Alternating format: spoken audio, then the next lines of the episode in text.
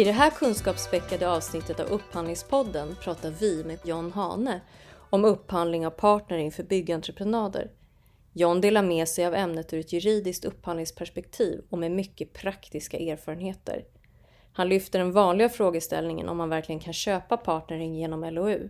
Han tar sig igenom de olika faserna i partneringprojekt, tankar kring olika kombinationer av byggregelverken och beskriver när det är direkt olämpligt att jobba enligt partneringmodellen. Vi får även höra tips och fallgropar med olika ersättningsregler, vad som krävs av beställarens organisation, vad strategisk partnering är samt vad man ska fråga sig för att komma fram till om partnering är vägen att gå. John har medverkat i hundratals partneringprojekt genom åren och är således en av de mest erfarna juristerna på området. Sedan sin examen 1988 har han jobbat som jurist och då började han med affärsjuridik. Efter tio år tog han anställning på Fojen där han tidigt kom in på LOU och offentlig upphandling. Han har sedan dess stillat sin nyfikenhet genom att engagera sig på många sätt kring upphandling av partnering Bland annat har han utvecklat byggherrarnas mallkontrakt på området och så är han, tillsammans med professor Per-Erik Eriksson, författare till Konkurrensverkets forskningsrapport om entreprenadupphandlingar. Vill man lära sig mer så håller John mycket utbildningar, främst inom upphandling, partnering och entreprenadjuridik. Så nu kör vi! Välkommen till Upphandlingspodden John Hane. Tack så mycket. Kul att ha dig här. Ja, kul att få vara med. Vi pratar med dig som expert på partnering byggentreprenader kopplat till offentlig upphandling. Mm. Eller hur? Det är därför du är här och du ska lära oss allt om det.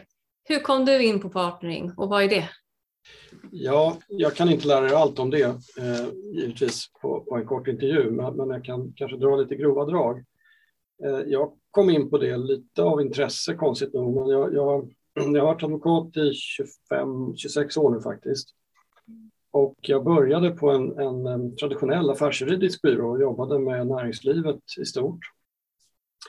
Och lärde mig väl liksom ett affärsmässigt tänk som man inte hade från domstol när man, man sitter ting som ung jurist och så vidare. Men, men det var en, en, ny sak att man gjorde kompromisser och förlikade så man vägde liksom riskfördelningen på lite olika sätt beroende på vilken styrka man hade i förhandling. Allt det där det var något jag liksom lärde mig och sen, sen eh, bytte jag byrå och kom till, till Fojen då 1998 som eh, halvetablerad 36-åring.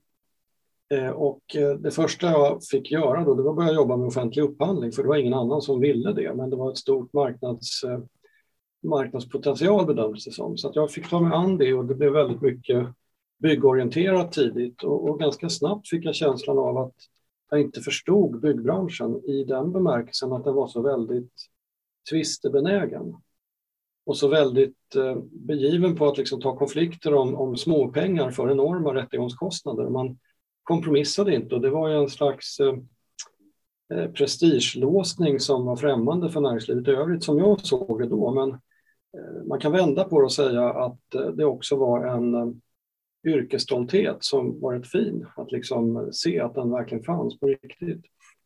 Sen fanns det annan, jag hittade någon statistik någon gång eh, om att eh, näringslivet i stort, industrin i stort, lägger nio tiondelar av sina juristarvoden på tidiga skeden och granska och förhandla kontrakt. Bygg är ju ganska präglat av standardavtalen AB och ABT och AF-delar som tekniska konsulter gör och eh, det gör väl att man som regel inte tycker sig behöva särskilt mycket jurister i tidiga skeden. Och då är siffrorna faktiskt de omvända, att nio tiondelar av de juristarvoden man spenderar inom byggbranschen ligger på tvistelösning. Och bara en tiondel på tidiga skeden. Och det, det är ju en diskrepans som eh, till rätt stor del säkert förklaras av att vi har AB och ABT och AMAF och så vidare, men inte helt och hållet, utan det, det är en tradition att jurister kommer in först när det blir konflikt och det är ett misslyckande istället för att använda oss i tidiga skeden. Och I det här så såg jag väl, vi hade en engelsk samarbetspartner på den tiden som hette Masons, en engelsk byrå, och de jobbade mycket med partnering som var inne i början på 2000-talet. Och vi hade något seminarium med dem om det, jag tyckte det där lät jättehäftigt och det var ju då ett sätt för att få en bättre slutprodukt i byggprojekt och att hantera komplexa projekt utan tvister och att man skulle hjälpas åt. Fyra ögon ser mer än två. Och jag har väl alltid som, som utifrånkommande då på något sätt förundrats över den här traditionen att man har en byggentreprenör. Man har en installationsentreprenör på VS, en på el och så har man styr och regler och sen har man mark och sen har man kanske platssättning. Det är 40 olika företag inblandade, alla med sin vinst och sina tidplaner att hantera och det blir liksom ett allas krig mot alla gärna istället för att man hjälps åt. Så att jag tyckte det där verkade väldigt klockrent att det här behöver ju branschen tänkte jag som, hur ska vi säga, naiv knappt 40 år gammal som inte kan något om bygg och tänker att branschen behöver förändras. Liksom. Men, men, det är ju lättare sagt än gjort och vem är jag att liksom driva något sånt? Men jag intresserade mig för det i alla fall och började läsa på.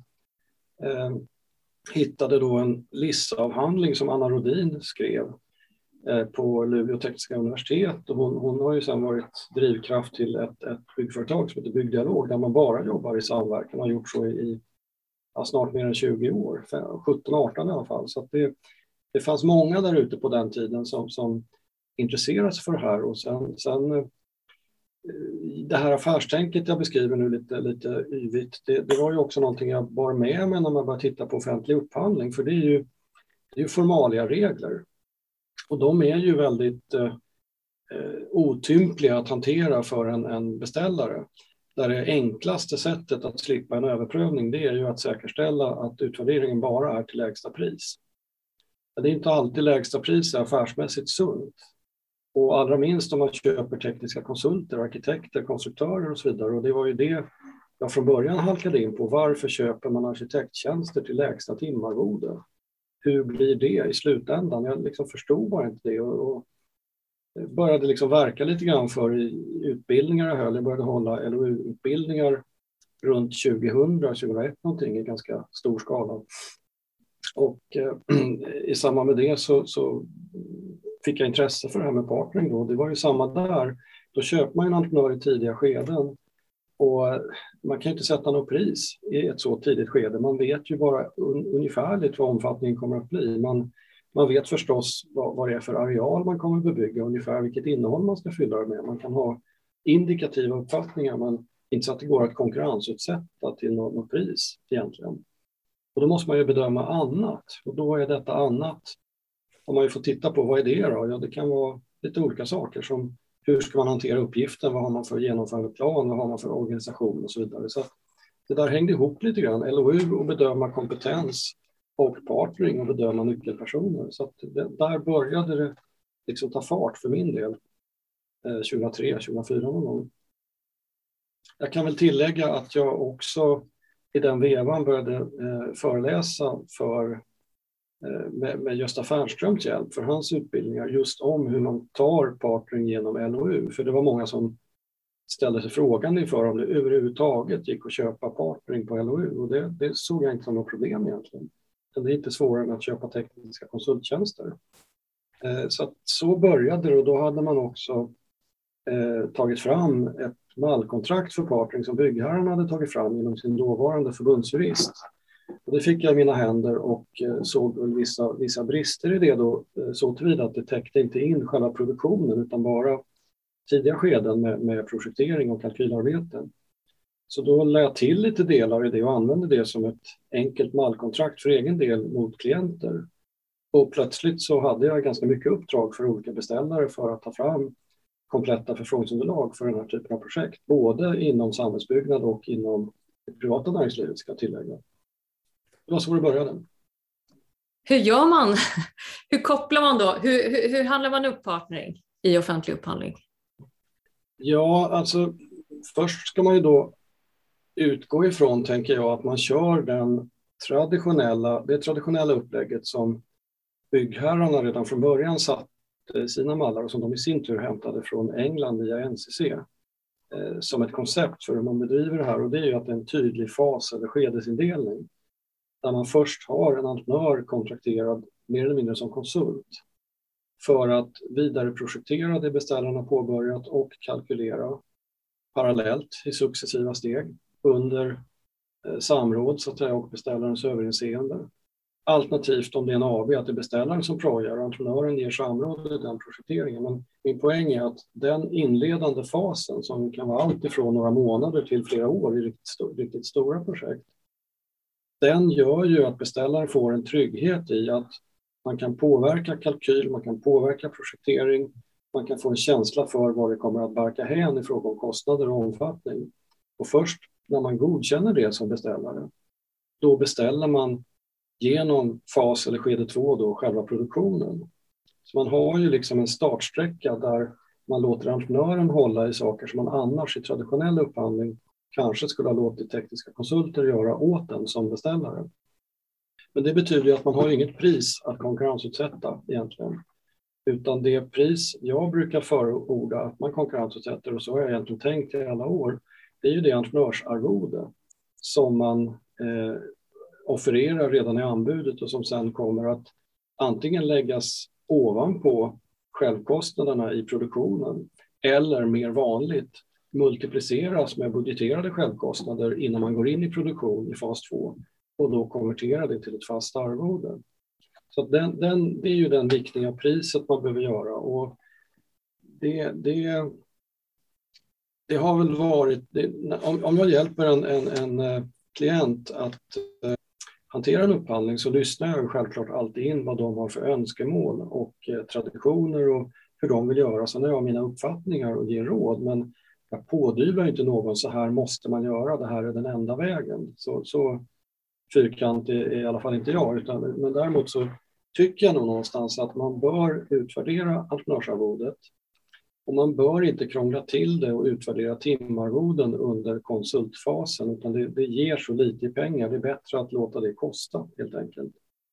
Och man bör kanske inte utvärdera den här, det här entreprenörsarvodet särskilt tungt. Därför att väger man det för mycket, det är erfarenhetsmässigt som jag säger här då, så tenderar det att leda till att entreprenörer i en anbudstävling lika med vad som alltid har gällt för tekniska konsulter som upphandlas på timarvoden viktat till låt säga 50 procent. Då sker en underprissättning av tävlingsmomentet. Och den underprissättningen den brukar straffa sig senare i projektet. Då hittar man genvägar för att ta hem pengar man förlorar på ett lågt arvode eller bara av andra skäl är mindre lojal helt enkelt mot projektet och beställaren. Så det, det är min bild att man bör vikta det kanske någonstans mellan 10 och max 20 procent. Eh, och, och det, det, är ju tillräckligt då för att det ska göra utslag. Det vill säga om, om man inte skulle vikta det alls så är det kanske negativt i andra änden därför att då kan det medföra att man, man kanske drar upp entreprenörsarvodet utöver vad man annars skulle ha erbjudit. Utan ett visst mått av tävlingsmoment bedömer då jag i, i byggarens intresse att det behöver vara. Och sen resterande del är ju vad vi kallar mjuka parametrar. Nej, men det finns ju olika vägar till Rom om man säger så, men, men jag har väl på senare år landat i att man har en kombination av en genomförandebeskrivning eller genomförandeplan och en bedömning av platsorganisationen. Och då, eh, det, det, här är ju, just när det gäller platsorganisation och bedömning av nyckelpersoner, då är ju det någonting som har varit föremål för ganska mycket akademisk diskussion. Vad är tillåtet att göra och inte? Och det kom ju också några rättsfall från EU-domstolen för ja, tiotalet år sedan, drygt två stycken, som rakt av underkände möjligheten att bedöma eh, ska säga, personer inom ramen för, för eh, tilldelningskriterier, utan det var ju sånt som man då hävdade var tydliga kvalificeringskrav. Och eh, de grekiska rättsfallen som det var frågan om, de har jag aldrig tyckt man ska dra för stora växlar på för att det var så många andra eh, ska vi säga, eh, omständigheter i dem som gjorde att upphandlingarna inte hade gått särskilt korrekt till. Men eh, oavsett vilket, oavsett om det förelåg en viss osäkerhet om tillåtligheten i det eh, enligt de EU-direktiv vi tidigare hade så har ju det ändrats med de direktiv som antogs 2014 och som ledde fram till nu gällande LOU och LUF 2017. Där man tydligt, väldigt tydligt, EU-direktiven talar om att man får utvärdera nyckelpersoner om de nyckelpersonerna är eh, tillsatta då för att utföra en tjänst eller entreprenad och deras kompetens bedöms göra skillnad på slutprodukten. Och ett villkor för att man ska få göra det, det är också att man säkerställer att de är knutna till projektet och inte kan bytas ut hur som helst. Och det är också en, ett vanligt tillägg då i ett entreprenadkontrakt i en sån här upphandling att man för över den vanliga ABK-regeln till att gälla också för platsorganisationen i eh, entreprenaden, det vill säga att man får inte byta ut för projektet väsentlig personal utan beställarens medgivande. Och sådant medgivande får inte vägras om ersättaren, som det står då lite luddigt, minst har likvärdig kompetens och även i övrigt är lämplig för uppdraget. Det vill säga, det är en regel med ganska säga, dubiöst juridiskt innehåll och den, den, är inte helt lätt att tillämpa men den tydliggör i alla fall att det här måste ni förhandla om. Det går inte att bara byta hej vilt. Eh, folk slutar, eh, blir barnlediga, blir sjuka och till och med dör.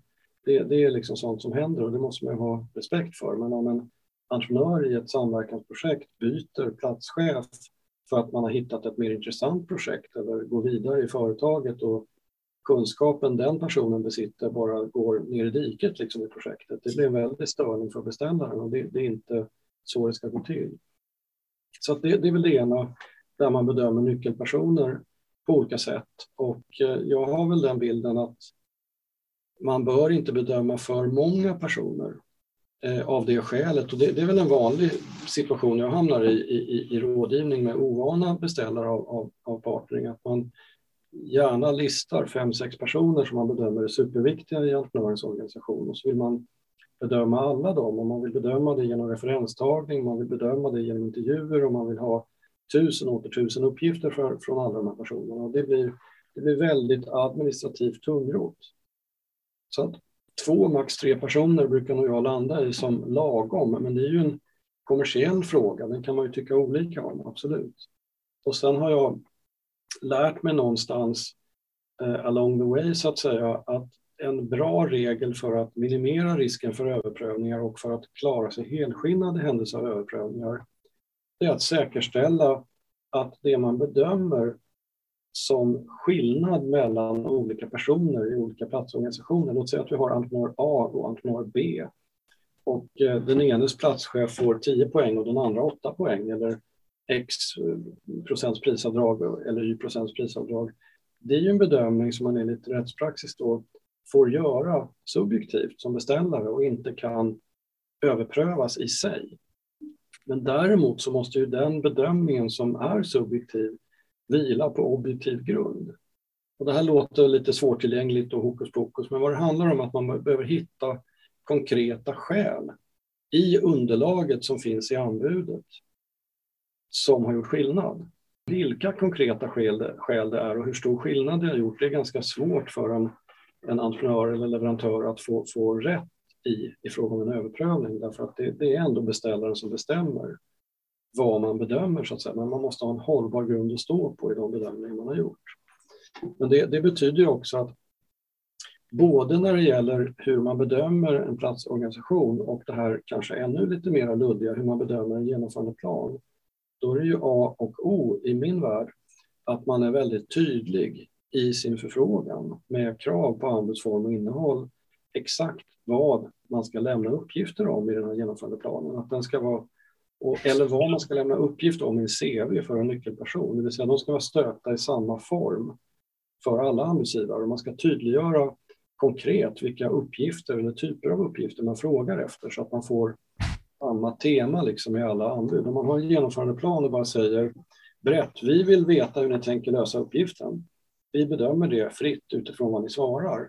Då får man ju liksom äpplen och päron och plommon och bananer typ, utan man måste ha Eh, de måste vara stöpta i någorlunda samma form för att man ska kunna göra den här rättvisande bedömningen som man kan ställa sig svars för och försvara eh, med, med liksom gott samvete.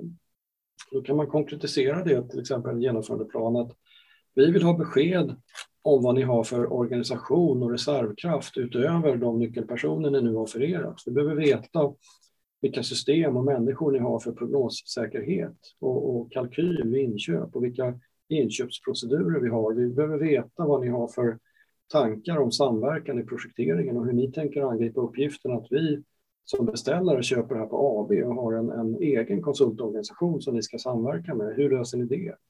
Och vi vill veta hur ni hanterar riskerna specifikt i det här projektet med avseende på eh, trångt arbetsområde och, och svår, svår bergkrossning invid eller vad det nu kan vara för någonting. Så ganska ordentligt nere på en konkretitionsnivå. Vad är det vi som beställare bedömer är viktigt?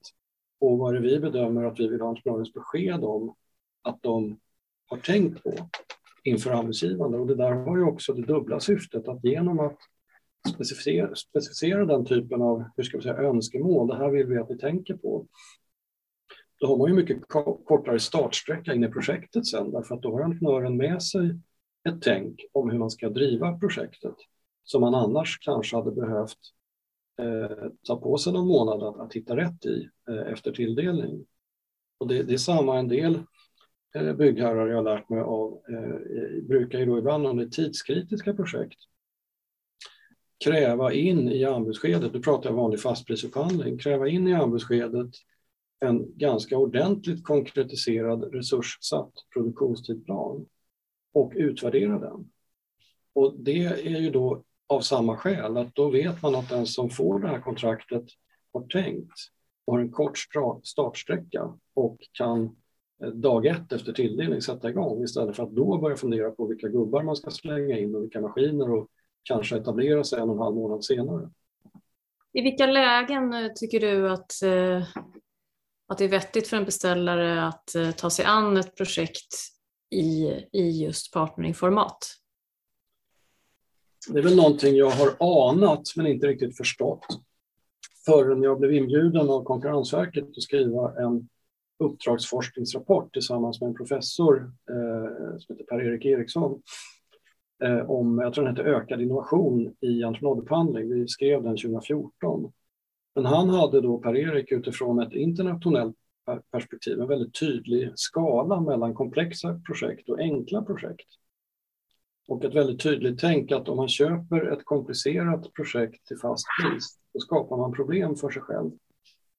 Och man kan tänka så här att när Statens fastighetsverk restaurerar Sveriges förnämsta kulturbyggnader, låt säga gamla slott eller om det är, är kyrkor och så vidare, kanske det är inte de som äger kyrkan, jag vet inte, men jag tror du förstår vad jag menar. Om man restaurerar Uppsala domkyrka eller Stockholms slott eller vad det nu kan vara för någonting, vem skulle komma på tanken att köpa det till fast pris?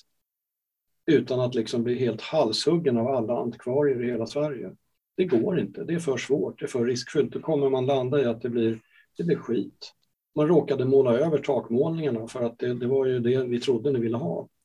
Jag överdriver lite nu förstås, men, men det finns en, väldigt tydlig koppling att ju mer komplicerat projekt det är, desto större är, eh, finns, desto, desto större anledning finns det att överväga att ha löpande räkning. Just för att bli av med den risken för att man får fel slutprodukt och kunna styra entreprenören till att göra rätt saker under resans lopp. Och jag, jag tycker nog för egen del att partnering är ett sätt för att minska den risk som generellt gäller för löpande räkning för en beställare, att det inte blir särskilt mycket bättre och att det blir galopperande räkning. Genom en ökad närvaro, genom en ökad kontroll och genom en ökad bemanning, inte minst från beställarens sida, och framför allt ett samråd med entreprenören i skilda frågor hela vägen. Man har en dialog och man får därigenom fyra ögon som tacklar problemet förenklat uttryckt istället för två. Så att ju mer komplicerade projekt, desto större anledning att fundera på samverkan. Och tar vi liksom ombyggnad och jämför det med nybyggnad så är det en ganska stor skillnad i grad av komplexitet i fråga om vad hittar man bakom väggarna jämfört med en nybyggnad. Och har vi ombyggnad med kvarboende, eh, känslig verksamhet, sjukhus och så vidare, då är det ännu lite mer komplicerat. Har vi arbete som involverar markarbeten, vattenarbeten och bergsprängning och så vidare, tunneldrivning jämfört med nyproduktion på, på solid grund av barnstugor eller skolor. Det är en milsvid skillnad i komplexitet. Men jag är inte den som säger att den här typen av projekt ska man köra partnering och den här ska man inte göra det. Utan det är återigen en kommersiell fråga och det är rätt mycket en fråga om tycke och smak. Men om jag backar då lite mer försiktigt så säger jag att forskningen indikerar att det för vissa typer av projekt bör övervägas och för andra typer av projekt så ska man närmast ha fast pris istället som beställare.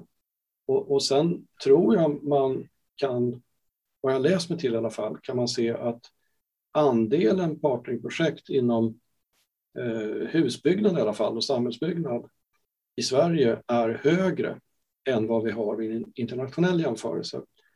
Eh, och det, vad det beror på, det kan man ju bara spekulera i. Om det beror på ett, ett konfliktundflyende eh, som ligger i vår svenska mentalitet, om man får skoja lite, eller om det bara är så enkelt som att eh, vi har blivit väldigt tvistebenägna i vanliga fastprisprojekt för att vi har de avtal vi har i grunden som, som man kan tycka olika om. Men, men det, det, det, är spekulationer så att jag, jag stannar vid det.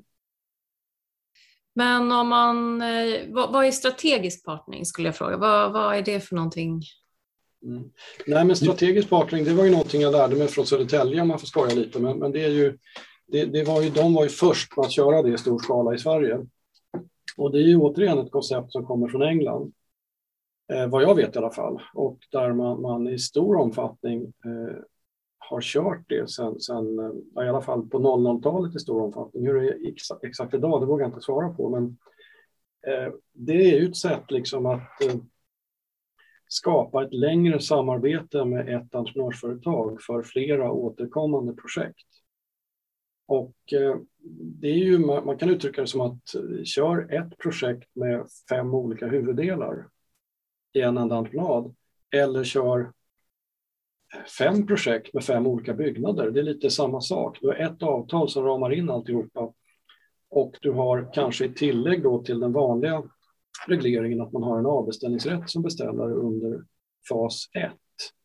Där projektering och kalkyl pågår för att ha en trygghet i så att det blir rätt och att inte man får en, en, en, en slarvig eller, eller ointresserad entreprenör som tar fram en galen kalkyl eller en, en undermålig projektering. Det måste man kunna avbeställa så man inte köper grisen i säcken. Och en strategisk partner, då brukar man väl ha det tillägget att man, man eh, har rätt att avbeställa resterande projekt då om olika eh, ganska, hur ska vi säga, suverän tolkningsrätt för beställaren om omständigheter föreligger, typ att man har tappat tilliten i entreprenören och så vidare. Så det, och det där är ju inte helt lätt att förena med, med lagen om offentlig upphandling där man utgår ifrån att man har en skyldighet att söka konkurrens så mycket som möjligt och man utgår ifrån att man ska stycka upp projekt så mycket som möjligt. Just för att möjliggöra för konkurrens för de små och medelstora leverantörerna. Och det är ju en, en regel som är vad man brukar kalla en ordningsregel. Den är inte sanktionerad i upphandlingslagstiftningen. Och jag känner inte till eh, något fall där Konkurrensverket har drivit frågan eller någon domstol har prövat frågan om man har gått för långt från beställarhåll att knöka in för många projekt i ett och samma. En, en generalentreprenad uppfyller ju även den generellt sett eh, den här, den här samma kriterier att man har underlåtit att stycka upp entreprenaden. Man hade ju kunnat köpa den som delad entreprenad i och för sig. Att undvika då att Skanska, Peab eller NCC köper de de vill på, på installationssidan. Det kanske beställaren själv ska göra, men det tänket har liksom aldrig spritt sig. Gudskelov höll jag på att säga, men, men strategisk partnering är ju lite svårare att motivera, men det man brukar motivera det med är ju då att det finns en affärsmässig fördel för en beställare att ha en och samma entreprenör som angriper uppgiften flera gånger i rad. Och att det finns en läroprocess i det som medför att man kan få det hela lite, lite bättre och kanske lite till och med billigare och mer effektivt utfört i takt med att entreprenören lär sig beställarens behov, platsens förutsättningar, projekteringsgruppens inblandning och eh, eh ja, etc. Vad, vad slutresultatet ska bli. Och det, det, är inte så lätt att ge exempel på, på det, men om vi tar låt säga, renovering av olika miljonprogramshuskroppar eh, inom ett och samma ungefärligen samtidigt uppförda område, då är det ett ganska klockrent exempel på när det skulle passa. Därför att man, man kommer lära sig saker i hus 1 som man bär med sig till hus 2 och hus 3 och hus 4. Och man kanske inte har budget för att köpa det där vid ett och samma tillfälle, utan det, det behöver spridas ut under fem, eller sex, eller sju eller åtta år. Och då är det min bild i alla fall att lagen måste medge att man får göra det som beställare. Det är ett kommersiellt intresse, det finns ett mervärde att man löser uppgiften på det sättet och då får man göra det. Men som sagt, ju mer vida ramar för vad som ingår i den strategiska partnering som man tillåter sig, desto större är ju trots allt risken för att någon vän av ordning synar det och säger att så här långt får du inte gå. Du kan inte liksom blanda in nu att man gör en ombyggnad här och, och, och renovering av fyra gymnasieskolor här i kommunen och sen parallellt med det så bygger ni tre nya barnstugor. Det är helt artskilda projekt. Vi kan inte förstå vad det finns för kunskapsöverföring och erfarenhetsöverföring från det ena till det andra. De, de skiljer sig åt för mycket. Så den, den, den eh, och jag, jag, säger inte att det är fel att göra på det sätt jag nyss sa, men jag ser en förhöjd risk för att det kanske inte skulle hålla. Kan vi tillägga att de projekt jag själv varit inblandad i mest på strategisk partnering, då har det, då har det rört eh, exploateringsområden där man gör mark och eh, VA-ledningsnät och gata och trottoarer och parkmark och så vidare för att förbereda för olika, olika detaljplanområden och eh, liksom exploateringar som olika exploatörer vid olika tidpunkter köper och bebygger i takt med att exploateringsområdet byggs ut. Och det kan vara projekt som pågår i kanske tio år. Men att ha en entreprenör som kan området och kan ledningsnätet och har kontakter med, med liksom Vattenverket och avloppsverket eller vilka nu är, det, det är erfarenhetsmässigt väldigt mycket värt jämfört med att börja om varje gång. Men skulle man kunna lägga upp strategisk partnering som ramavtal eller, eller är det bara att man skriver ett avtal där man utformar de olika projekten som optioner? Ja, det är en bra fråga. Eh, därför att den sätter fokus på två svåra frågor i lagen om offentlig upphandling. Och det ena är att ett ramavtal får ju inte vara längre än fyra år. Eh, men kan vara åtta år inom försörjningssektorerna. Och det är ju en, en, en problematik. De, Ett ramavtal det är ju det oförutsedda, det kan vi tillägga. Om du har ett ramavtal på strategisk partnering, då säger du med det att vi avropar de projekt vi får behov av under det här, den här avtalets löptid. Men ett projektavtal, vilket är mer vanligt om vi pratar strategisk partnering, eh, även om båda varianter förekommer, då är det ett projekt som du definierar. Och det kan ju vara till exempel exploateringsområdet Y. Och det exploaterings-Y, eh, exploateringsområdet Y det inrymmer totalt sett låt säga 40 olika detaljplanområden. Och det ska enligt politiska beslut genomföras mark och vedledningsdragning inom det här området inom tio år från nu. Då är det ett projekt och det är avgränsat för varje detaljplanområde redan från början. Och då får du hålla dig inom det, den avgränsningen. Du kan ju inte lägga till någonting som inte fanns med från början i upphandlingen. Men så länge det då är ett projekt som är väl avgränsat, då har du ju inte någon begränsning till fyra år på det sättet. Och ett ramavtal är ju vanligen också någonting, även om det inte måste vara så, men det är vanligen då någonting man har med flera. Så vill säga ramavtal med flera entreprenörer. Vi avropar vårt samlade behov av byggprojekt inom samhällsbyggnad för ombyggnad och tillbyggnad, att säga. Och om inte den som vann upphandlingen har tid då går vi till nummer två och så vidare. Den, den varianten förekommer ju och var kanske inte minst vanligt förekommande för kanske tio år sedan. Men det, det jag ser idag i alla fall, det är ju huvudsak projektavtal. Jag frågar fråga en sak om strategisk partner jämfört eller kontra att dela upp kontrakten. Du nämnde att reglerna om att dela upp kontrakt i LOU är en ordningsregel. Vad betyder det? på juridiska så säger man att det, det finns, jag tar två kända exempel. Då. Det finns ju en regel i ABK 09 som säger att man måste tala om för en beställare om man ser behov av arbete som inte ingår i uppdraget så som det har definierats innan man utför det. Man, man måste varsla. Eh, om man inte varslar och ger beställaren en möjlighet att säga nej, då utgår ingen ersättning. Det, det är två klara regler i 2.8 och 2.9 om jag minns rätt i ABK. Sen finns det en annan regel som säger att konsulten måste tala om om den för uppdraget antagna budgeten inte kan hållas. Alltså varsla om budgetöverskridanden. Men det finns ingen sån sanktion beträffande ovarslade budgetöverskridanden. Och det finns då ett antal rättsfall, för all del bara från hovrätter, men ändå som har tydliggjort då att de bekräftar den uppfattning som, som innovationsföretagen alltid haft, nämligen att det där är bara en ordningsregel, det är en moralregel den är osanktionerad och att konsulterna underlåtit att varsla om budgetöverskridande betalar inte konsulten rätten till ersättning. Det är väl kanske lite fel att prata om en moralregel i en offentlig, eh, offentligrättslig lagstiftning som LOU på något sätt kan sägas vara, men och jag menar att det är ingen tydlig sanktion inskriven. Eh, och, och, för all del, någon kanske skulle kunna komma på tanken på att det är ett otillåtet direktupphandlat kontrakt i det att det, det går utöver vad, vad, man fick göra. Men jag, jag ser det som, som eh, någonting för rättstillämpningen att ta ställning, ta ställning till i framtiden i så fall. Men, men, men det, det, det, det, är ju så med upphandlingsdirektiven, de har ju blivit mer och mer omfattande för varje ny eh, årsmodell som har antagits av dem. Och EU-domstolens rättspraxis har också blivit mer och mer detaljreglerande. Men jag vet ju att när den här regeln infördes i EU-direktiven, då var utgångspunkten att det här var en målsättning att offentliga byggherrar skulle jobba mot att dela upp eh, projekt generellt då, inte bara bygg, utan projekt generellt i lämpliga delar för att säkerställa konkurrens för små och medelstora företag. Om man då säger, ja men jag har gjort den avvägningen och jag bedömde inte att det här projektet lämpade sig för en entreprenör med omsättning på en miljard att ta sig an.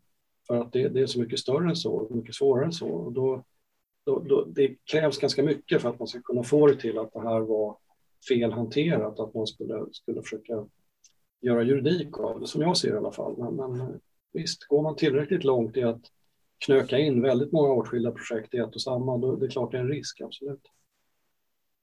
Jag undrar vilka regelverk som en, en partnering lämpligen bör vila på? Ja, det är ju ett byggprojekt så att det är ju antingen AB eller ABT. Det, det är ju inte svårare än så. Sen finns det ju eh, möjligheter, jag har aldrig varit inblandad i det själv, men det finns ju de som eh, lånar ska vi säga, delar av det här tankesättet också i andra typer av standard, standardavtal inom industrin. Vi kan ta leveranser på ABA 99 eller internationella standardavtal för bygg som Orgalim eller FIDIC eller liknande. Visst går det, men, men, men de, de mallkontrakt som jag har varit med att ta fram för byggherren och alla de projekt jag har jobbat med eh, på svensk botten eh, med partnering, då har det alltid varit AB eller ABT. Och om man ska välja det ena eller det andra, det är ju, det är, det är ju en fråga om tycke och smak utifrån vad som passar projektet skulle jag säga. Det avgörs inte av om det är partnering eller inte. Du har ju två faser och då tänker jag första fasen bör ju rimligtvis bli ABK då om man väljer AB för fas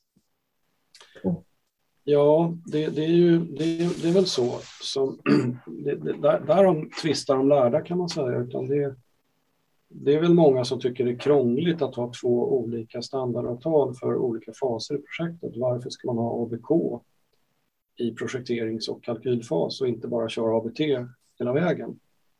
Man har ju ändå ett projekteringsansvar enligt ABT. Och jag har väl inget jättebra svar på den frågan mer än att jag tycker att man har landat i den bedömningen att det tippar över lite eh, med ABK som, som för, fördel då. Dels för att det skapar ett bredare ansvarstagande faktiskt för, för entreprenören för det man gör som konsult än vad man har som entreprenör som ansvar för i bemärkelsen följdskador.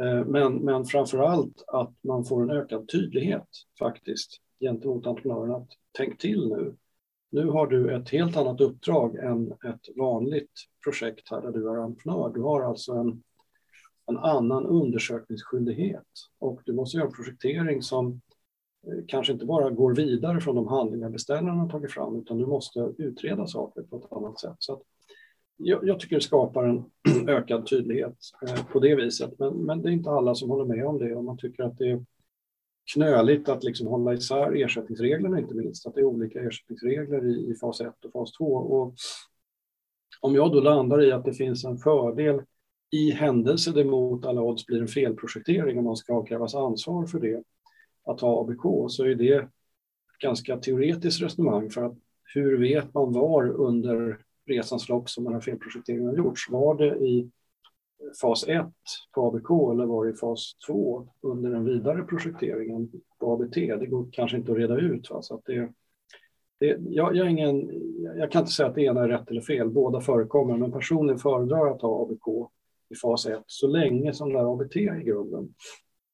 Om du har ett AB-kontrakt istället där beställaren genom sina konsulter håller i projekteringen hela vägen, då blir ju ABK lite jag brukar nog vilja ha det i alla fall i fas 1, att man skriver in att det gäller i tillämpliga delar. Men vad har entreprenören för ansvar på ett AB-kontrakt som bollplank till beställarens konstruktörer och arkitekter?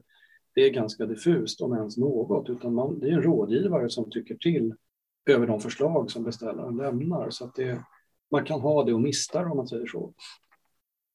det är, ingen, det är ingen egen projektering man gör, man har inget ansvar för den projekteringen som beställaren gör, direkt i alla fall, utan det man gör är att kalkylera och, och vara ett begåvat bollplank och föra in produktionstekniska synpunkter i beställarens proj. Helt enkelt. Kan man ta över ansvaret för projekteringen i fas 1 inom ramen för ABT i fas 2?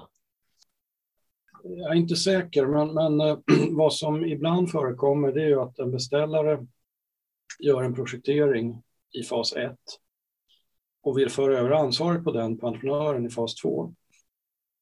Och min bild som jurist är ju då att det ska vara ordning och reda. Och det blir ju inte ordning och reda om man liksom försöker föra över ansvaret på det sättet. Beställaren har ju fortsatt ansvar för riktigheten av alla av beställaren lämnade uppgifter. Och bara för man sätter ett T efter AB så blir det ju inte en ABT om det är beställaren som har projat. Så att, och, och, och en annan sida av det hela är också att man ibland har det läget att beställaren har projat genom vissa konsulter och sen vare sig man handlar, hamnar i fas 1 och entreprenören ska fortsätta en, en knappt påbörjad systemhandlingsprojektering eller man hamnar i fas 2 och man ska, ska ta vidare en nästan färdigställd systemhandlingsprojektering. Då kanske beställaren har önskemål om att entreprenören ska ta över samma konsulter. Det är en ganska vanlig, vanligt önskemål från beställare och det, det är återigen en kommersiell fråga som man kan tycka olika om. Så att jag, jag brukar kanske inte driva det stenhårt och säga att det är helt fel det ni håller på med, men, men jag tycker någonstans att det inte är bra att agera på det viset, att det får negativa effekter som då bland annat består i att om det sker något fel i projekteringen, eh, vem ska man, vems är felet då? Var det under tiden Sweco, för att ta dem som exempel, hade uppdrag av beställaren eller gjordes felet när man hade uppdraget av, av entreprenören? Och det, det blir liksom konsulten kommer ofrånkomligen att sitta på två stolar och det, det blir aldrig något bra. I slutändan mm. hamnar entreprenören lite grann i kläm för att den måste ju kunna säga det här som ni tog fram nu under, under er tidigare projektering, det har visat sig inte stämma. Men då har man ju liksom en konsult som måste försvara det den har gjort tidigare vid sin sida. Det, det blir liksom inget bra. Hur skulle man kunna lösa det på ett bra sätt? Jag tycker att det är väldigt konkreta och bra områden som du beskriver. Finns det något exempel på när det har blivit väldigt bra eller väldigt dåligt till följd av arbetet i, den första fasen? Nej, så jag, jag tycker väl någonstans att om, om, man, om, man, om man är väldigt nöjd med sin projektering eller man av olika skäl har väldigt speciella behov i sin projektering på grund av befintliga anläggningar eller vad det nu är för någonting, låt säga sjukhus och dess installationer som kanske beställaren har bättre koll på än genomsnittsentreprenören. Då är det väl bättre att löpa linan ut som beställare och göra en AB och hålla i projekteringen hela vägen in i mål. Det blir ju en ökad effektivitet med det. Det, det, är, ju, det är ju otvivelaktigt så att det är ont om tekniska konsulter som är kompetenta. Det är en brist i, i, i Sverige, kanske över hela västvärlden, vad vet jag.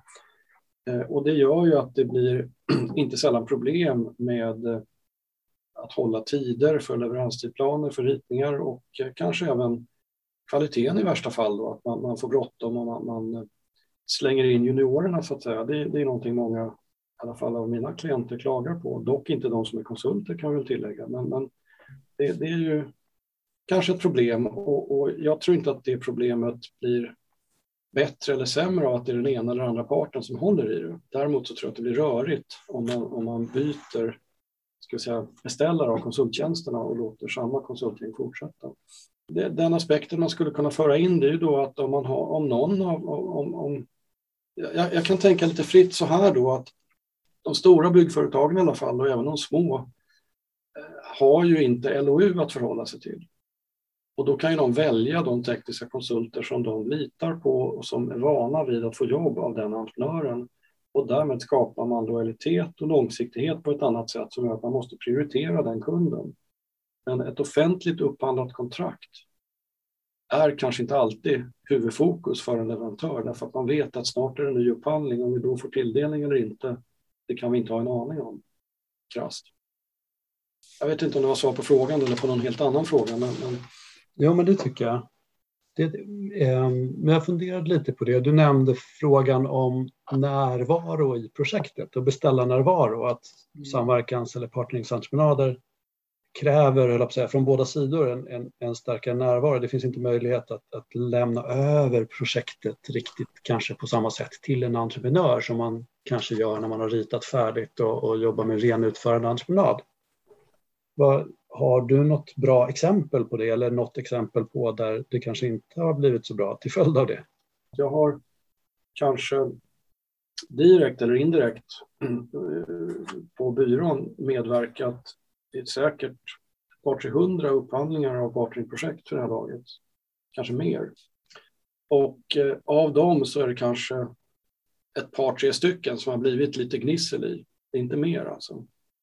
Inget har blivit fullskalig tvist, men lite, två, två, tre stycken som det har blivit lite gnissel i. Det har varit eh, kostnadsöverskridanden, lite, lite andra problem, men inga fullskaliga tvister. Men sen har jag vid sidan av det varit inblandad i kanske ett tjugotal olika halv eller helkonflikter som, som ja, i något fall har gått till domstol men har förlikts inom dom som har rört partnerkontrakt där jag själv inte har, har eh, varit med vid upphandlingen. Eh, och eh, min bild utifrån den erfarenheten det är att eh, den största risken för ett projekt för en beställare och det största skälet till att det går snett när det går snett det är just bristande närvaro från beställaren. Beställaren måste vara kravställare i fas 1. Tydliggöra vad man vill få ut av projekteringen, ungefär som en regissör på en teaterscen. Och en beställare måste kunna och våga ifrågasätta entreprenörens kalkyl. Inte för att pressa priser, vi pratar självkostnader nu, men är det så att man har hittat det mest effektiva inköpet eller har man inte det? Har man varit lat? Liksom, eh, att ställa krav på leverantörer driver fram bra leveranser. Och det är ingenting som entreprenörer eh, säger emot heller, utan man, man, tycker om att jobba med kunder som vet vad de vill och ställer krav. Då blir man bättre och man vill göra ett bra jobb, det är inte tu tal om annat. Men just den här bristande närvaron tenderar ibland då att leda till att man ett, eh, tappar sugen som entreprenör kanske. Det var, det var en vanlig löpande räkning det här, det var, krävs inget särskilt av oss. Så blir man lite, lite lat kanske. Eller än värre, två, att man pratar förbi varandra. Man har en uppfattning från entreprenörens sida om vad kalkylen innehåller och en helt annan från beställarens sida om vad kalkylen innehåller. Om man har en uppfattning från beställarens sida vilken kvalitet man vill få ut av projektet men entreprenören har tolkat något helt annat. Så att just eftersom vi skapar ett projekt nu i tidiga skeden och det är inte framtagna handlingar så just den här dialogen och kommunikationen den är ju oundgänglig. Och eh, jag har undervisat då för ett utbildningsföretag som vi har haft eh, samarbete med i många herrans år. Och jag har väl genom dem hållit ordentligt många kurser i upphandling, entreprenadrätt och så vidare. Men de sista sex åren lite drygt så har jag hållit eh, ganska många kurser i partnering just tillsammans med en partneringledare. Och eh, jag fick själv frågan först om att jag vill hålla den här kursen, att det var en juridikkurs. Men mitt besked till dem var att nej, jag tycker inte partnering är juridik mer än till hälften. Utan det handlar till lika stora delar om kommunikation och dialog. Och det är ingen juridisk fråga att få till det. Man kan skriva regler om det, men det måste flyga också. Så därför har jag gjort det tillsammans med en partringledare som heter Malin Österberg sedan dess. Och det, det tycker jag känns som en riktig beskrivning av hela det här konceptet. Det här är inte bara eller ens främst juridik, utan det, det är både och. Det är juridik och kommunikation. Om man förbigår det att man måste liksom ha en fungerande dialog, ett fungerande samtal om alla de svåra frågor som uppstår längs vägen. De har inte tagit tillvara det partnern är tänkt för att göra, nämligen att ha flera kompetenser som tittar på samma fråga och på samma, på samma sätt. Så det är A och O att en partner inte stannar vid generalentreprenören, utan det flöde av kunskap och erfarenhetsöverföring som är tänkt att ske mellan entreprenör och beställare det måste ju också involvera strategiskt viktiga underentreprenörer, alla installationer, mark och så vidare som är väl så viktiga för helheten, för att inte säga viktigare många gånger. Så att, att det, det, det, är liksom en, och det är, en, det är en ganska svår sak att få till att den här kommunikationen flyger med så många inblandade, att man också arrangerar projektet på så vis att man har möten där de som kan någonting om den fråga som ska hanteras för det mötet är närvarande och inte andra. Så att man liksom inte har stormöten där ingen vågar komma till tals, utan det är, en, det är en svår sak att hitta en struktur som passar respektive projekt. där man har effektiva möten. Men hur skiljer sig en eh, beställarorganisation i en partnering jämfört med ett vanligt projekt? Jag, jag, vet inte det faktiskt. Jag kan inte svara på det eh, generellt hur, hur man gör, utan det, det jag lite teoretiskt kan säga. Det är att man, man, man, jag brukar tänka så och rekommendera beställare så här. Ni ska tänka så att ni i ett vanligt byggprojekt så kanske ni sitter i baksätet och är vad man kallar baksätesförare, missnöjda över vad entreprenören gör men har ingen makt att säga till vad entreprenören ska göra.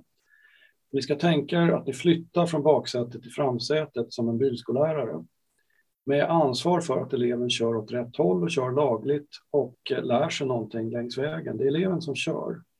Men det är bilskolläraren som har kontrollen över vart den kör och hur fort den kör. Om det inte funkar så får bilskolläraren dra i handbromsen och beordra eleven att kliva ur. Lite rått uttryckt, men det, det är det tänket man ska applicera och för det brukar krävas att man har typ tre gånger så stor bemanning som annars. Och att man har en person som är på entreprenörens kompetensnivå i fråga om kvalitet, inköp och så vidare och en som är på entreprenörens nivå vad gäller ekonomi. Teknik, kvalitet, ekonomi. Man ska vara bollplank till entreprenören på samma nivå. Om man inte har tillnärmelsevis entreprenörens kunskap, då blir ju inte den här dialogen som ger någonting, utan då är det ju som att man pratar till en tolvåring liksom som, som akademiker. Det, det blir inte någon jättespänstig akademisk diskussion, utan det måste vara på samma nivå. Jag tyckte du svarade väldigt bra på hur organiseringen bör se ut. Ja, men sen en annan sida av det, det är också att man måste ju, och det är jätteviktigt både för entreprenörer och beställare, och det, det här är väl etablerade sanningar sedan hur länge som helst. Det finns ju en tradition i byggprojekt att man inleder så kallade, det, det så kallade ätarkriget. Och det finns en, en, en, en fara i det att man liksom färgas för mycket av det här ätarkriget och det landar i att man som erfaren byggherre har en utgångspunkt att entreprenören försöker lura mig hela tiden. Om man har en utgångspunkt som erfaren entreprenör att beställaren försöker lura mig hela tiden. Så, så är det och det är ju en följd av de tolkningsregler vi har i ABABT med lägsta kostnadens princip och skyldighet att utan begränsning utföra alla tänkbara ätarbeten beställaren pekar på. Det är, det är ganska hårda kontrakt i det avseendet för båda. Ganska fyrkantiga ingenjörspräglade kontrakt, kontrakt skulle man kanske kunna säga. Men den, det tänket skapar ju en viss eh, fördomsfullhet om man säger så. Och den fördomsfullheten och det tänket kan ju vara väldigt, väldigt nyttig i fastprisjobb och dåliga handlingar för en entreprenör att ha. Och eh, likväl för en beställare för att liksom hantera de här frågorna på rätt sätt. Men den typen av krigare, om jag uttrycker det så, som är jättenyttiga, jättenyttiga i sådana projekt, trampar ju gärna rätt fel i ett partneringprojekt där utgångspunkten istället är nu ska vi lita på varandra. Nu ska vi ha tillit, nu ska vi ha dialog om olika saker. Och i den dialogen har jag inga baktankar. Jag är helt öppen och transparent och ser till projektets bästa och de projektspecifika mål som vi gemensamt har ställt upp med avseende på kvalitet och tidhållning. Så det är lättare sagt än gjort, men, men det, det, är liksom tänket. Och jag vet ju en entreprenör som jag jobbar med som, som bara jobbar med samverkansprojekt, de säger ju kanske lite kaxigt, men de säger i alla fall att de anställer inte folk från andra byggföretag. De anställer bara, bara folk direkt från skolan för att annars är man förstörd av ätarkriget. Och det, det, är säkert en sanning med modifikation, men det, jag tycker det är som, som tänk betraktad så är det ändå lite tänkvärt, får man ändå säga.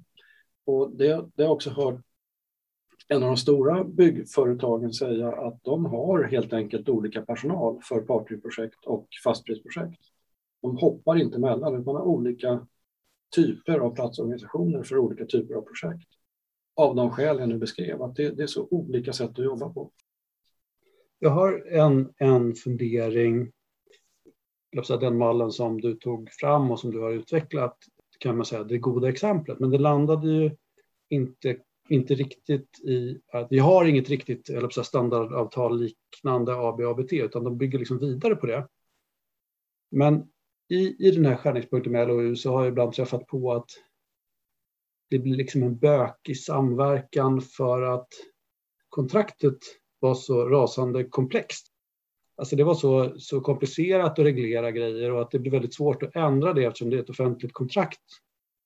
att det har liksom förstört samverkan. Vad, dina tankar? Jag skulle önska så enklare kontrakt, enkla regleringsgrunder. Liksom. Vad, har du några tankar om det?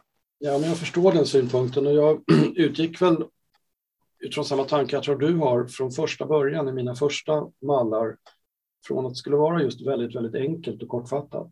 Att markera, vi, vi har tillit här. Men sen har ju gradvis eh, den typen av kontrakt och projekt fått lite stötar i fråga om vad ingår i det fasta arvodet och vad, vad gäller i fråga om, om eh, rätten till handlingar och vad det kan vara för någonting. Så gradvis har man behövt reglera lite mer och mer. Men jag skulle nog ändå säga att de kontrakt jag använder mig av i alla fall är i grunden ganska enkla och raka. Och de är ju tänkta att kunna användas, nu pratar jag byggherrarnas mallkontrakt då, Eh, tänkta att kunna användas utan AFD. Och då måste det ju vara lite mer omfattande. Och då är det ju regler om försäkring och säkerhet och, betalningsplan för fast arvode och så vidare. Det, det måste ju finnas med. Och det är just utifrån tänket att det här kanske man då handlar upp ibland i så tidiga skeden så att en AFD värd namnet finns inte framtagen. Eh, och sen om man har en AF-del då är det väldigt mycket jobb och komplexitet i det. Det får vi inte glömma bort. Eh, och då kan man ju korta ner kontraktet i olika texter vad gäller försäkring eller besiktning och vad det nu är för någonting, bara hänvisa till AF-delen. Utan det, det som kan ta en viss tid och plats att reglera, det är ju framför allt vad man ska göra i eh, fas 1. Om det är ett riktigt stort projekt så kan man ju behöva reglera i en särskild kontraktsbilaga lite mer utförligt vad man förväntar sig av varandra under Eh, projekterings och kalkylfas. Mallkontraktet nu så är det bara en sida, eh, lite drygt, med beskrivningar av, av det regelverket som ju vare sig finns i AB eller ABK, utan det måste man ju reglera faktiskt. Rätten att tjuvstarta med tidskritiska arbeten och så vidare, det, det, det behöver finnas med. Eh, och sen finns det ju liksom lite moralregler som jag inte riktigt kan se att någon kan tycka är krångligt, utan det är ju bara Eh, moralregler om att visa varandra tillit och öppenhet och, och se till projektets bästa, vilket ersättningsformen är tänkt att möjliggöra helt enkelt. Utan det som kan bli komplicerat och, och, och som nog många tenderar kanske att reglera lite för mycket, det är just vad är ersättningsreglerna. Och förr i tiden, när jag pratar tio år sedan, eh, kanske knappt tio år sedan och än mer för 15 år sedan, då var det ju jättevanligt med feta tvister rörande riktkostnadsjusteringar. Eh, och det handlade ju som regel då om ganska branta instrumentsregleringar där man hade en, en, en, en bot och bonus som man så säger om man, om man under eller överskred riktkostnaden i slutkostnadshänseende.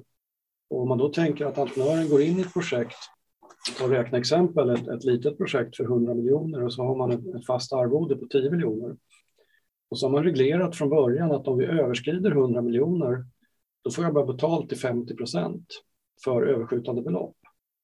Om vi nu har ett, ett eh, löpande räkningsprojekt på grund av osäkerhet i kalkyl, kalkylhänseende och entreprenören går in i ett projekt där man vet att om man går över budgeten så får man bara betalt till hälften.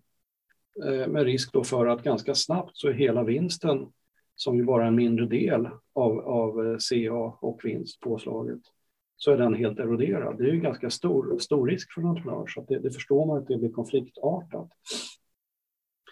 Eh, utan den, den, typen av, av regleringar är i princip borta nu för tiden, utan, utan eh, om jag ser sådana ibland eller till och med med och föreslår det, då är det ju kanske 90-10 och den typen av regleringar, mera försiktiga eh, instrument. Då. Men sen finns ju då de som vill reglera ganska hårt vad man inte vill betala för till en entreprenör som självkostnad. Och, och, där kan jag väl tycka att en del kanske går väl långt i det avseendet, att man vill reglera sönder saker och ting som, som ändå slår sönder tilliten.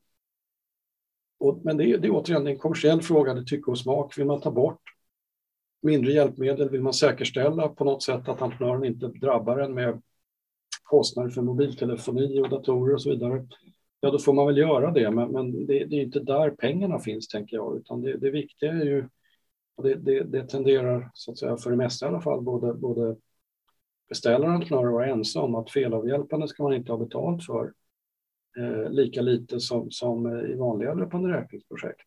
Det, det är liksom en regel som framgår redan av AB och ABT. Eh, och sen kan man ju fundera på det här med traktamenten och resekostnader och sånt. Om man tar bort rätten till ersättning för det så styr man ju entreprenören till att använda lokalt folk. Och då blir det billigare, men å andra sidan har man inget lokalt folk, då köper man in det av en UV istället och så blir det lika dyrt i alla fall. Så att det, hur man än vänder sig har man rumpan bak, tänker jag. Men den typen av regleringar tenderar kanske ibland att bli väldigt överkrångliga och jag, jag kan inte säga att jag sympatiserar med det, men, men jag ser det jag också. Sen finns det ju en annan sida av det här och den ska vi väl inte eh, sticka under stol med. Det finns ju i min bransch, om vi pratar inte bygg nu utan advokatverksamhet, att man har jurister så finns det ju någonting, en företeelse som eh, några av mina kollegor så att säga, eh, på byrån rubricerar som partneringtvister. Och det är ju någonting jag inte har kommit i kontakt med utifrån de projekt jag har varit inblandad i direkt, men, men indirekt då. Eh, och det är ju när Eh, man hamnar helt enkelt i en diskussion och kanske tvist om eh, var går gränsen för beställarens betalningsskyldighet, vad har entreprenören verifierat och att man är osams som hund och katt om den samlade betalningsskyldigheten på löpande räkning. Och det kan ju bli väldigt, väldigt eh, omfattande tvister på en stor detaljnivå. Så det, det, är ju, det är ju väldigt olyckligt om man förknippar den typen av konflikter just med partnering. Men, men jag, jag, skulle säga att jag ser ingenting i modellen i sig som leder fram till den typen av konflikter. Utan, utan när konflikter uppstår så är det som regel människor som inte har kommunicerat på ett tillräckligt bra sätt med varandra. Sen kan man ha otur, alltid. Att man drabbas av oförutsedda svårigheter och så vidare. Och det, det får ju liksom båda parter ha någon slags ödmjukhet inför att det kan hända. Hur vanligt är det att man inte löser ut fas 2? Jag har varit med om det en gång i alla, alla år. Sen, sen har jag väl kanske inte alltid följt med efter upphandling så att jag kan inte svära på att det, det har gått vägen alla gånger. Men en enda gång har jag varit med om att eh, ett projekt som jag har varit inblandad i inte har lösts ut i fas 2. Så att det är ju en, en handbroms beställaren måste ha utifrån tänket att man köper grisen i säcken. Men samtidigt så får man ju besinna att beställaren blir ju beroende av att det funkar. Därför att man har satsat prestige och tid på att eh, köra vidare med en entreprenör och sen eh, ett halvår senare så har man en kalkyl som man inte känner sig bekväm med. Men vad är alternativet då? Ska man avbryta och börja om? Då tappar man väldigt mycket tid så att det, det är väl också den aspekten att man, man, man förlorar så mycket tid. Utan då, då kanske man hellre inser någonstans att, att eh, vi var fel ute från början. Vi trodde att vi skulle kunna få det här bygget utfört för 400 miljoner Eh, och det var feltänkt. Vi fattar nu att med de krav vi har så är det 470 minst. Och så kanske man får skära lite, men det, det är väl snarare där det landar och när den typen av diskussion uppstår. Eh, för de uppstår ibland, det gör de. Då är det nästan alltid för att beställaren har suttit i baksätet under den här projekterings och kalkylfasen. Entreprenören har varit ensam ute på fältet och sen kommer man med kalkylen fem i tolv och får beställaren och granska den och då, då blir, blir, man chockad istället för att hela, hela vägen har, har varit införstådd med vartåt det barkar. Man skulle kunna säga en stark närvaro. Jag funderar lite på det här med kalkylresurser, för det är ju någonting som ligger i varje entreprenörs liksom kärnverksamhet kan man säga. Men det är knepigt att få tag på kalkylresurser på beställarsidan. Och det är ju några stycken som gör det på konsulthänder förstås. Eh, jag har varit med om att vi har brutit några första faser, men då är det väl lite olika skäl. Att det kanske projektet har förändrats över tid och, och eh, behovet av samverkan och, och, bedömningen av vad det ska kosta har legat ganska långt ifrån varandra. Men mm. Men, eh, men då har man kunnat göra det på ett ärligt sätt och det är också en styrka tycker jag i modellen i att det är inte så riskfyllt att som beställare gå in i en första fas tillsammans med någon heller utan man, man ersätter alla inblandade för det arbete som görs och så vet man höll säga, mer efter fas 1 än vad man gjorde innan. Mm. Bara det kan ju vara värt väldigt mycket för att fortsätta processen. Liksom. Ja, och sen, sen jag, nu, återigen, jag har aldrig riktigt förstått liksom den här traditionen och, och, nu säger jag inte att jag vet bättre än någon annan, det är bara att jag, jag har haft svårt att förstå hur man, hur man på ett effektivt sätt kan jobba så att en beställare tar fram genom konsulter färdiga bygghandlingar och lägger fram dem på bord och säger bygg detta utan att snacka med entreprenören innan. Det, det, det är liksom, det, det, det, låter krångligt för mig. Jag, jag tycker det, det borde vara bättre att involvera den som faktiskt ska göra jobbet tidigare.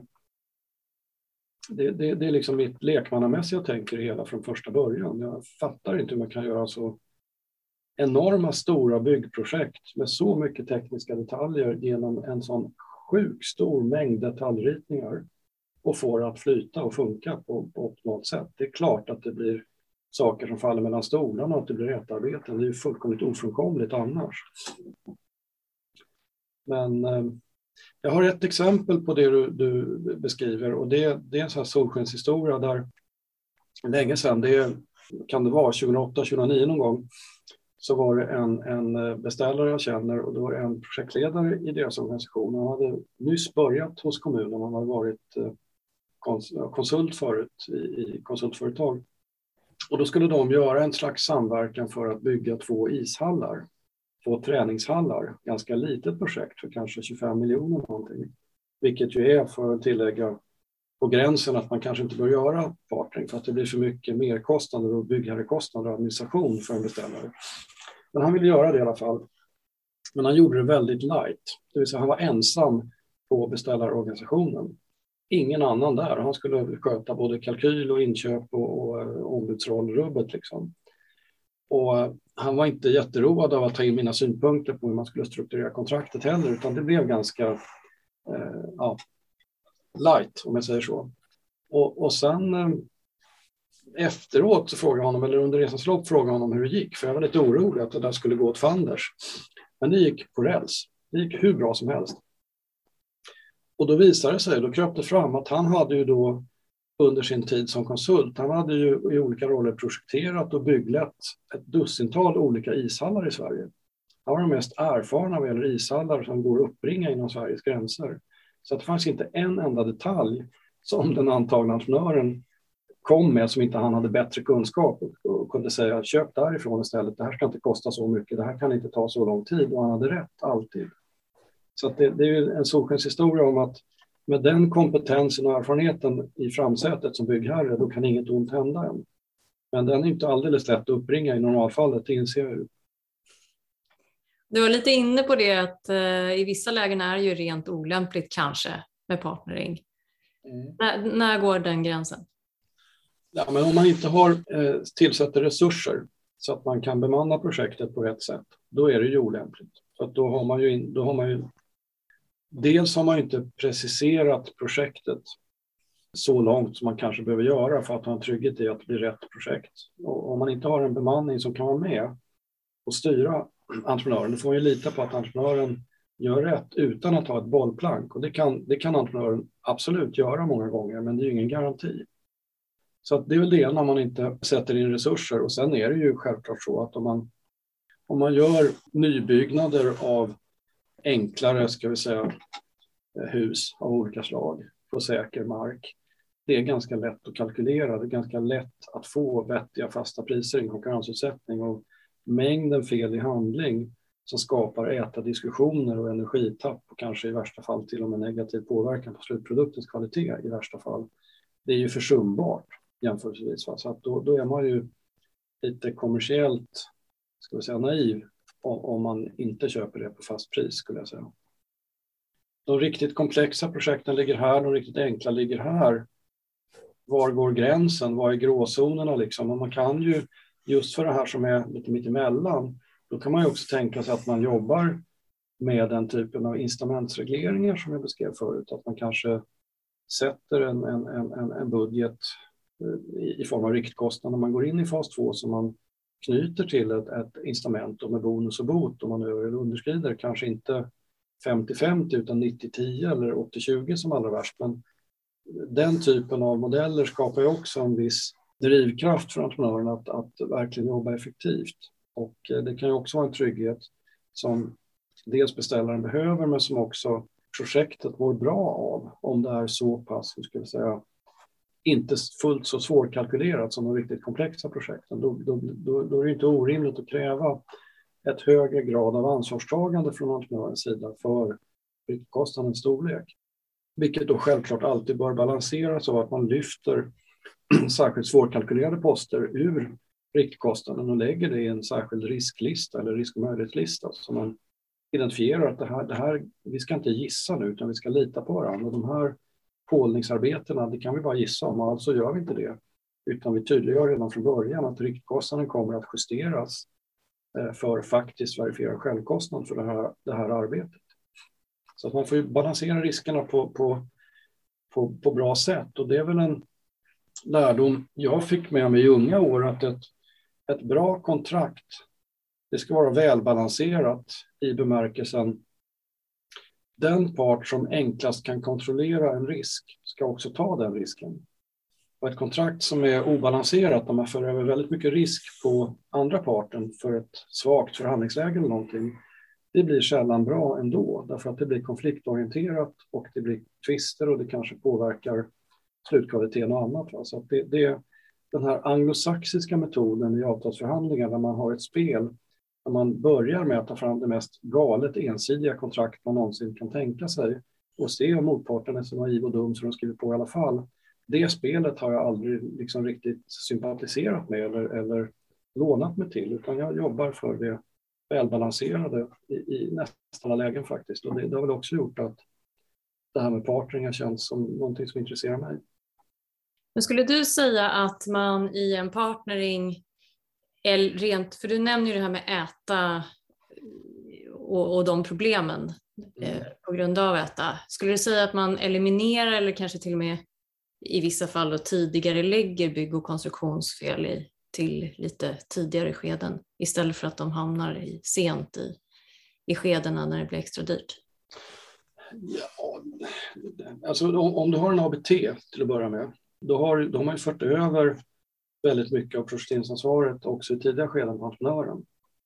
Då kommer ju den problematiken med likställda ätarbeten på grund av fel i handling, den kommer inte drabba beställaren alls.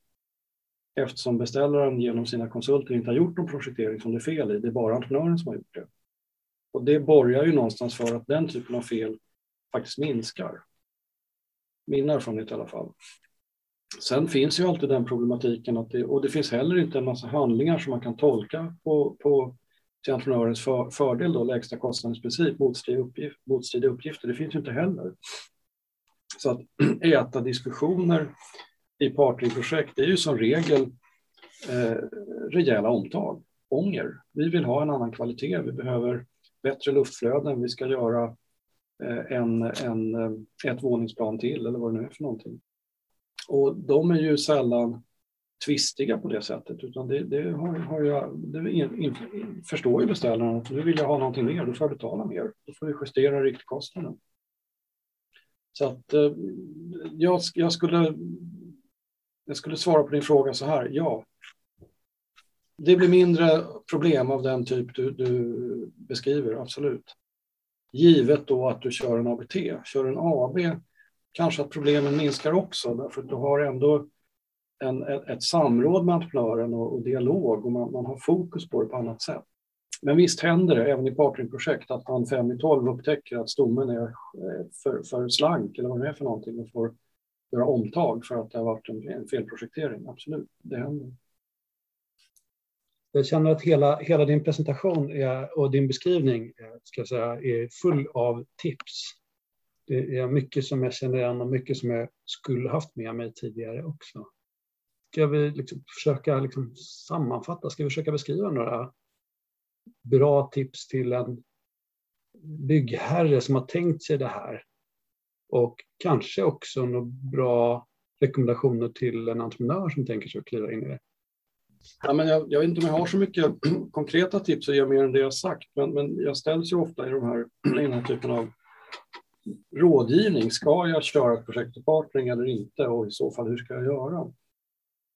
Och jag tycker den första frågan är vad det är för typ av projekt? Är det tillräckligt komplicerat och tillräckligt stort för att motivera den risk som ändå löpande räkning utgör för beställaren? Man kan liksom inte ha kakan och äta den. Jag kan inte ha löpande räkning med takpris eller någonting sånt, utan ska, ska, ska jag köra partnering, då måste jag vara beredd att ta den risken. För utan att riskbefria entreprenören för den osäkerhet som liksom ett tak innebär, då får man inte den hjälp för att forma produkten och den lojalitet som konceptet förutsätter, utan det, då måste entreprenören se om sitt eget hus. Det, det är enkel kommersiell logik. Så det är fråga nummer ett, är det ett sådant projekt?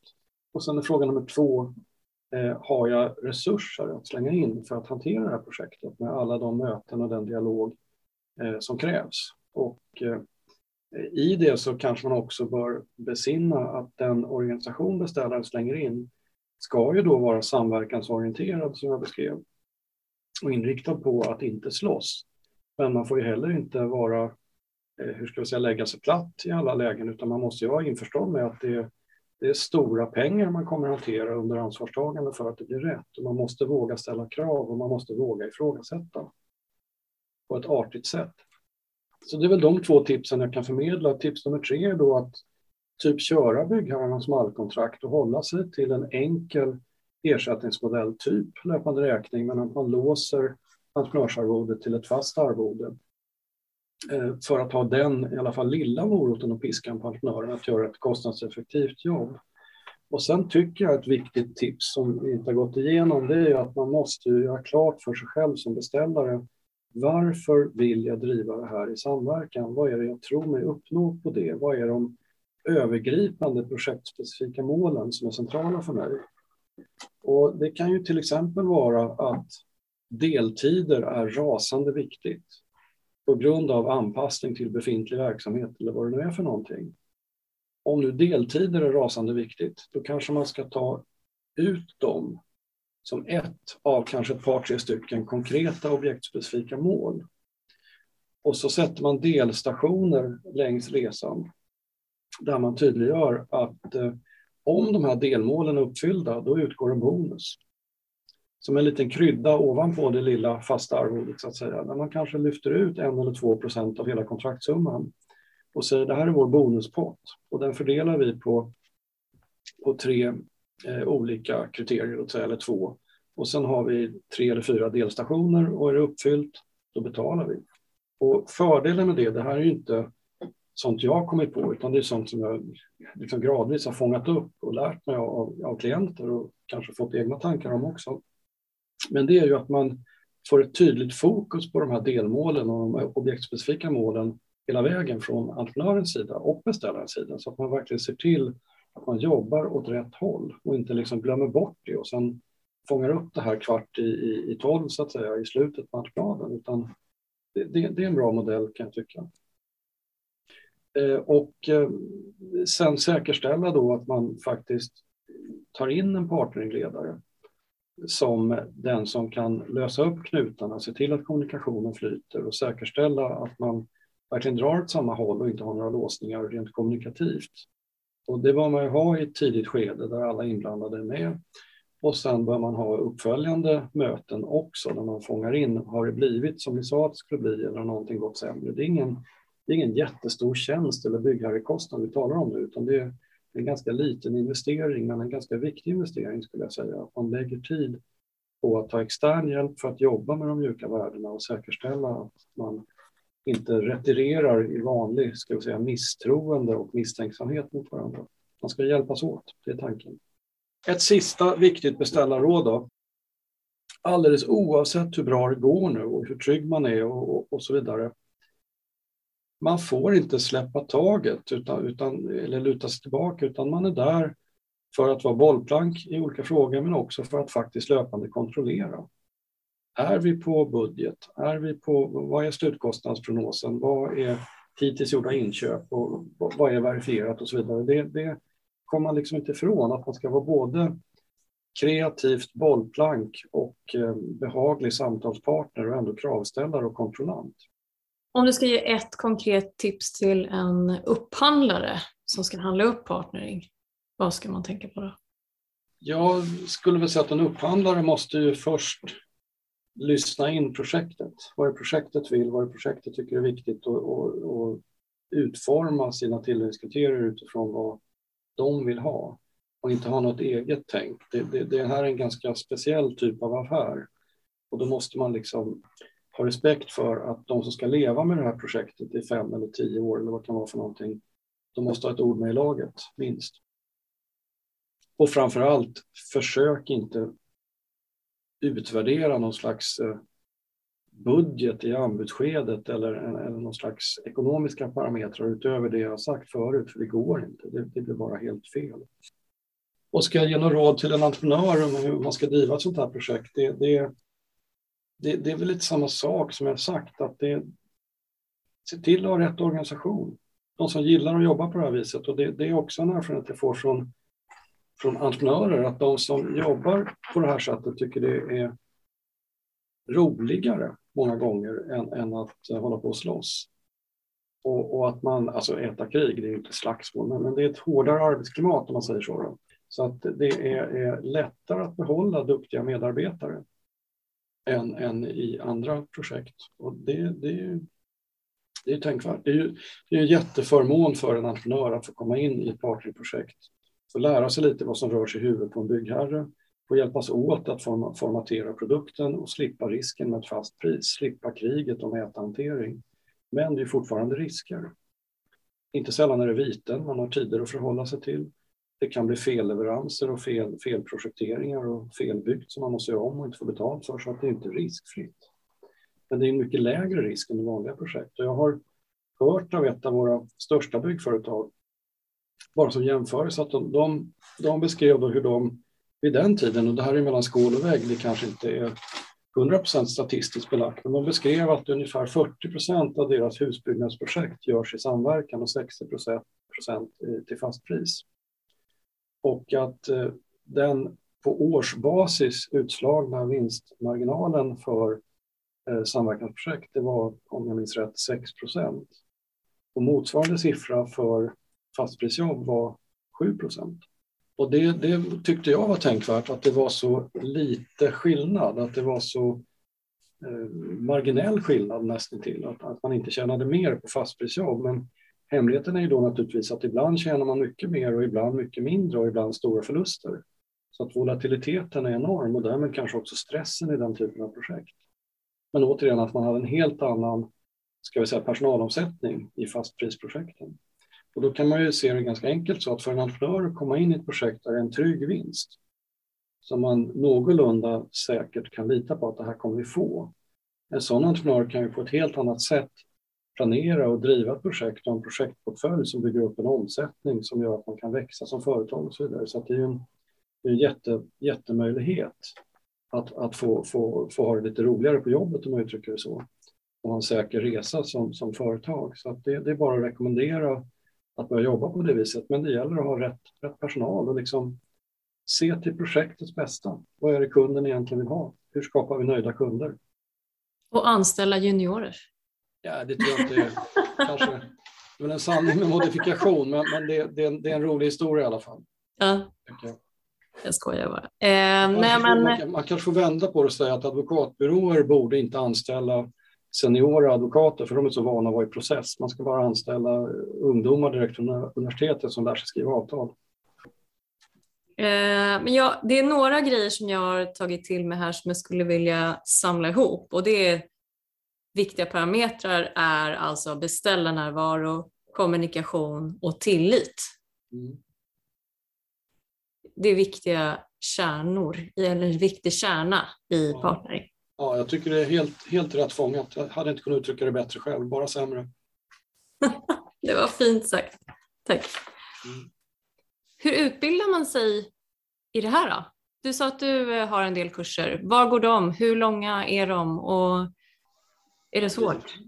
Vad kan man när man är klar? Learning by doing. Alltså, jag har ju tillsammans med Malin via, via EGA som är vår kund då, kört heldagsutbildningar då i fem års tid, någonting. det är en dag. De, de, det är ju, en dag är ganska lite och vi är ju ganska spetskompetenta var och en av oss på sitt sätt, men vi är ju inte praktiker som är ute och driver projekt som, som många andra är. Och det finns ju alternativa källor. Det finns ett företag som heter Urkraft som, som gör eh, seminarium och utbildning av, av, av eh, olika kunder till dem för olika partneringprojekt. Och det, det, är också någonting man kan gå och Förr i tiden i alla fall fanns ett företag som hette Prolog i Skåne som gjorde mycket utbildningar. Eh, jag vet inte om de kör partnering fortfarande i utbildningshänseende därför att den som var brann för det mest där, hon, hon har slutat. Men, men, det kanske går att hitta utbildningar där också.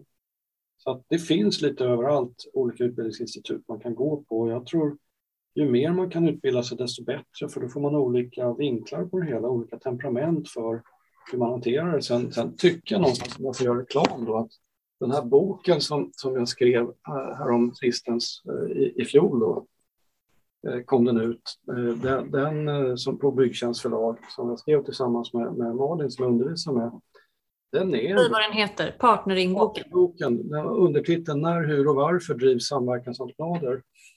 Och det är väl lite så att man skriver en bok, då tvingas man tänka till lite mer och reflektera över varför tycker jag så här? Och så blir det lite mera djuplodande ändå. Det här är ingen eh, högre lärobok i juridik, utan det är en praktiskt orienterad bok som beskriver, törs jag säga, lite mer på djupet än tidigare publikationer och också med en lite hur ska jag säga, kritisk blick. Det finns problem också, man måste vara medveten om dem. Men den beskriver liksom från ax till limpa hur man genomför ett sånt här projekt.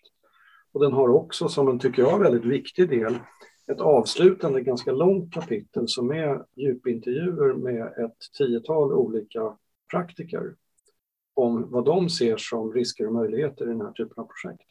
Som bara för den sakens skull gör boken värd att läsa, tycker jag.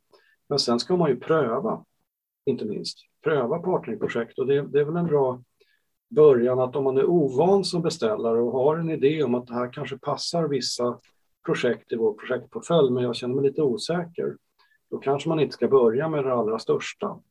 Utan då kanske man väljer ut ett eh, lite mindre projekt i kanske 40-50 miljoners klassen och testar med det för att lära sig och se vilka lärdomar man kan dra av det. Och det är väl inte ett uttal om annat än att de som har drivit partnerprojekt länge och har erfarenhet av det som byggherrar, de är ju oändligt mycket mer vana vid det och kompetenta i situationen och vet hur man ska ratta projekten, absolut. Precis på samma sätt som de platsorganisationer hos olika entreprenörer som är vana eh, vet ju också på ett annat sätt vad som krävs. Så är det ju. Och den här boken kan man köpa på Byggtjänst, Svensk Byggtjänst. Mm. Den lanserades till årets bok faktiskt eh, och det var en av tre böcker som var lanserade men vi kom inte etta. Det som var Oscarsnominerad och förlorad det liksom eh, kändes sådär men, men sånt är livet. En nominering är ju också ganska fint. Ja, faktiskt. Mm. det får man väl säga. Mm. Så hur kommer man i kontakt med dig då när man behöver hjälp med sin partnering? Nej, men jag finns ju på Fojen så det, det, är bara att ringa eller mejla. Men, men det finns andra som kan det här också. Jag vill inte säga att man måste gå till mig, men, men vill man det så finns jag här. Så är det. Du har ju ändå gjort ett antal hundra sådana här upphandlingar och bara haft, vad sa du, ett par tre tvister i det. Ja, så det är, det. ganska positivt. Ja, men, men eh, det, det är ju... Man, man ska ha tur också.